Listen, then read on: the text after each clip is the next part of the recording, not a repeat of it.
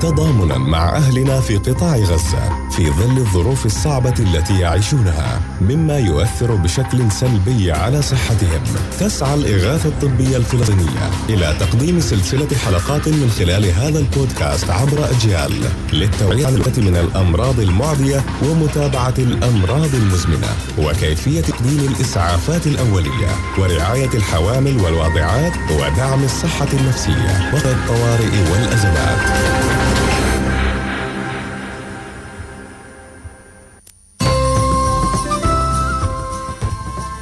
أهلا وسهلا بكم مستمعينا الكرام إلى هذا اللقاء الخاص.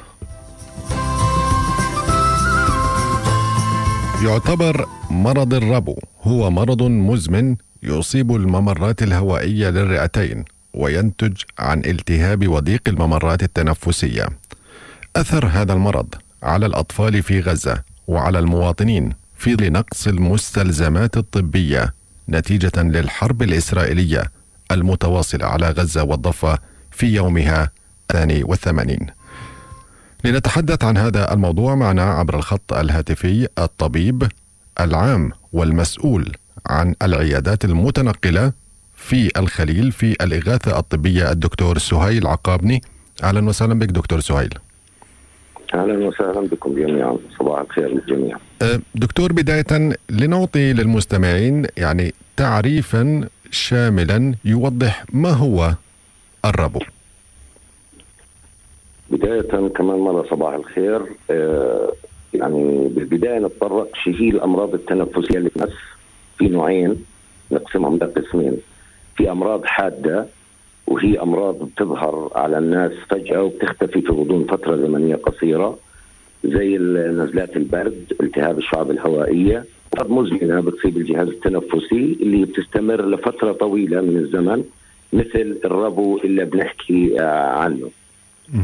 هلا آه، الأسباب اللي بتسبب هاي الأمراض هي آه، إما عدوى فيروس أو بكتيريا نزلات البرد اللي حكينا عنها والالتهاب الرئوي الحساسية مثل الرو والتهاب الأنف مثلا التحسسي أو التعرض للمواد الضارة مثل الدخان والتلوث وهذا الموضوع اللي بدنا نركز إلى آه، مرضى الربو في قطاع غزة نتيجة الحرب القائمة. وفي عوامل وراثية بتلعب في الموضوع في بعض أمراض الجهاز التنفسي ومنها الربو أو الانسداد الرئوي المزمن. يعني لو جينا نقول شو هو الربو هو عبارة عن تضيق للطريق التنفسي آه، المتمثل في الحنجرة والقصبة الهوائية بسبب تأثرها بمؤثر ويحدث هذا التضيق على شكل نوبات تستمر آه، أحيانا دقائق وأحيانا إلى ساعات. طيب يعني آه، دكتور يعني نلاحظ أثناء عمليات القصف الإسرائيلي لمواقع متعددة في القطاع هناك دخان أسود يخرج من هذه المباني هناك أيضا أنواع متعددة من الدخان آه، تصدر يعني هذه عن ما يستنشقها المواطن بشكل عام؟ يعني شو الأثر السلبي عليه؟ أه هلا بسبب أه الصواريخ التي تطلق على قطاع غزة. أدى هذا إلى انتشار أمراض تنفسية ناتجة عن هذه الضربات العسكرية. يعني بناء على معلومات من زملائنا في غزة أه المرضى بيصلوا إلى المستشفيات مصابين بأعراض أمراض تنفسية حادة وخطيرة.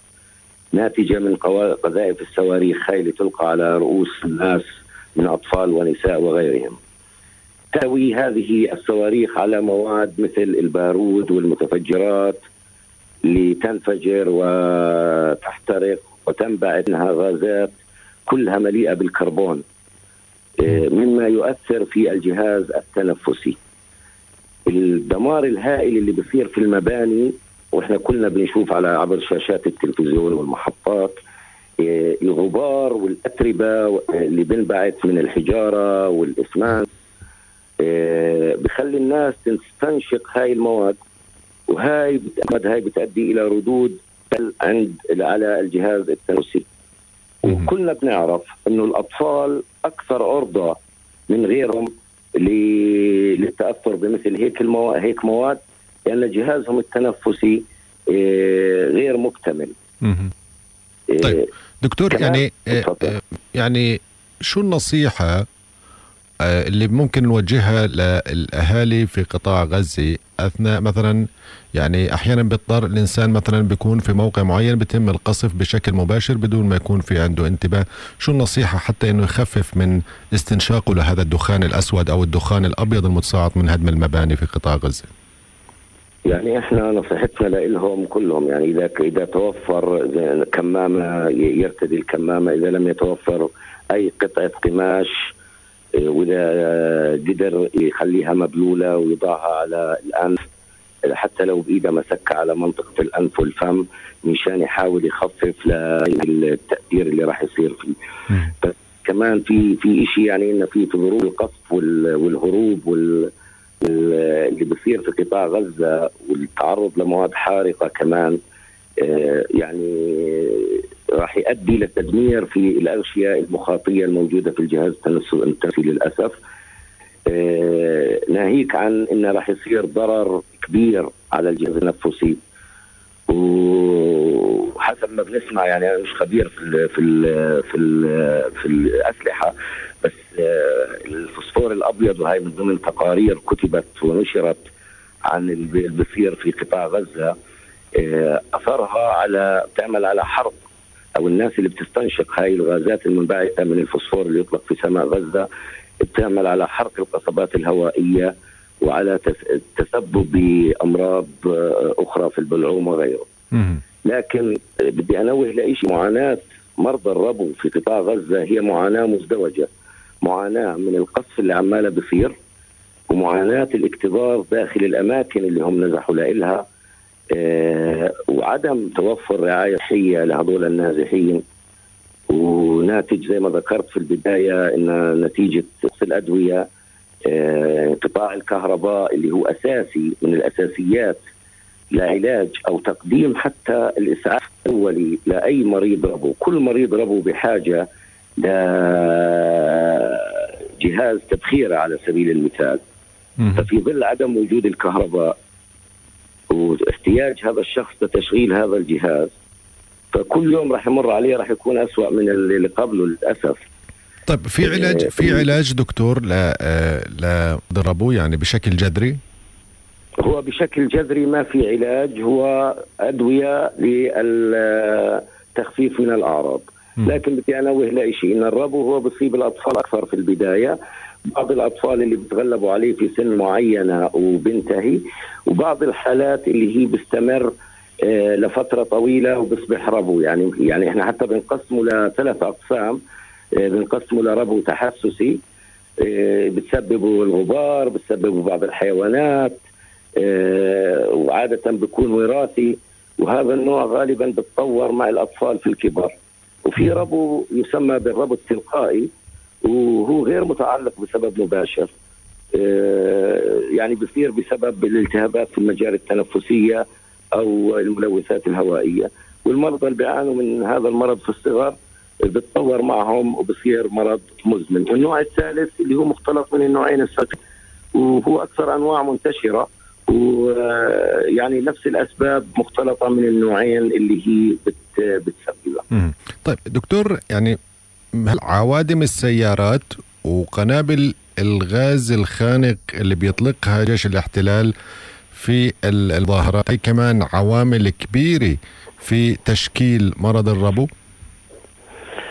آه، أكيد. التلوث أحد الأسباب من خلال الغبار أو دخان السيارات أو المصانع أو المواد الكيماوية المنبعثة في ال في ال في ال في الهواء بالإضافة لاستخدام الغازات السامة أو الغاز المسيل للدموع. هذه أكثر الأسباب اللي بتؤدي لنوبات أبو عند هذول الأشخاص. إيه، يعني إيه، محفزات الربو كثيرة. يعني أبدأها بأي شيء ابتداء من الغبار أي روائح منبعثة إيه، انتهاء بالعطور حتى. هي من مسببات ومحفزات لمرض الربو. ما بالك إذا كانت هذه عبارة عن مواد كيميائية حارقة أو انبعاث أتربة ومواد لا يعرف حتى مش معروف شو تركيبتها. هاي الغازات اللي بتنبعث من القنابل اللي تلقى على رؤوس الناس. آه، الوضع الثاني اللي أنا كنت بدي أنوه له إن المعاناة اللي بيعانوها آه، شعبنا يعني لمرضى الربو اللي هي عدم وجود الكهرباء واستخدامهم أيضا لوسائل بدائية في عملية الطهي عن طريق جمع الحطب أو الفحم أو الأوراق أو ما توفر لطهي الطعام. هاي كمان عوامل تساعد في معاناة للأسف معاناة مرضى الربو في قطاع غزة أيضا. نعم، يعني بنسمع دكتور آه، مصطلح أحيانا آه، إجته آه، يعني نوبة الربو، يعني هل هو هو مرض صار تجي أحيانا يعني خلال خلال مثلا فترات معينة من من الحياة؟ هو نوبات الربو تبدأ يعني حسب المرض، في نوبات تكون متقاربة. ممكن تيجي في اليوم مرة لمرتين أو في الأسبوع مرة لمرتين. وفي نوبات يعني بنسميها مشتده أو متوسطة بتكون بحدة أكبر وبشكل أكثر. وفي نوبات قوية يعني يعاني منها الشخص وقت طويل. وهي بحاجة لموسعات قصبات الهوائية أكثر من إنها بحاجة ل يعني بحاجة للبخاخات القرات لتوسيع القصبة الهوائية.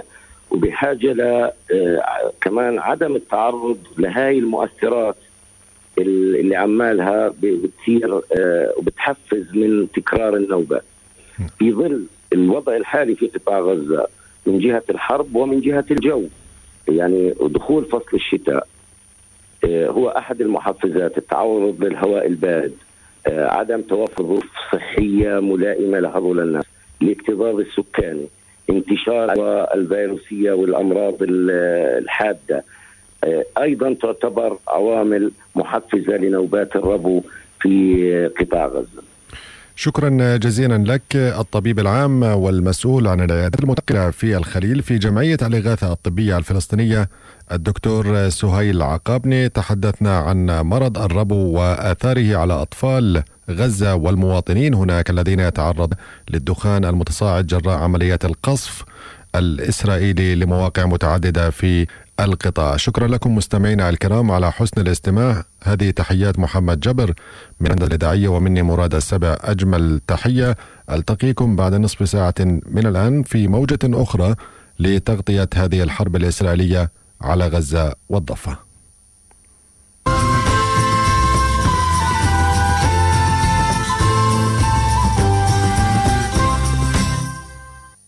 كنتم مع واحدة من سلسلة حلقات هذا البودكاست لجمعية الإغاثة الطبية الفلسطينية عبر شبكة أجيال للتوعية عن الوقاية من الأمراض المعدية ومتابعة الأمراض المزمنة وكيفية تقديم الإسعافات الآلية ورعاية الحوامل والواضعات ودعم الصحة النفسية وقت الطوارئ والأزمات مع أمنياتنا بالصحة والسلامة لجميع أهلنا في قطاع غزة.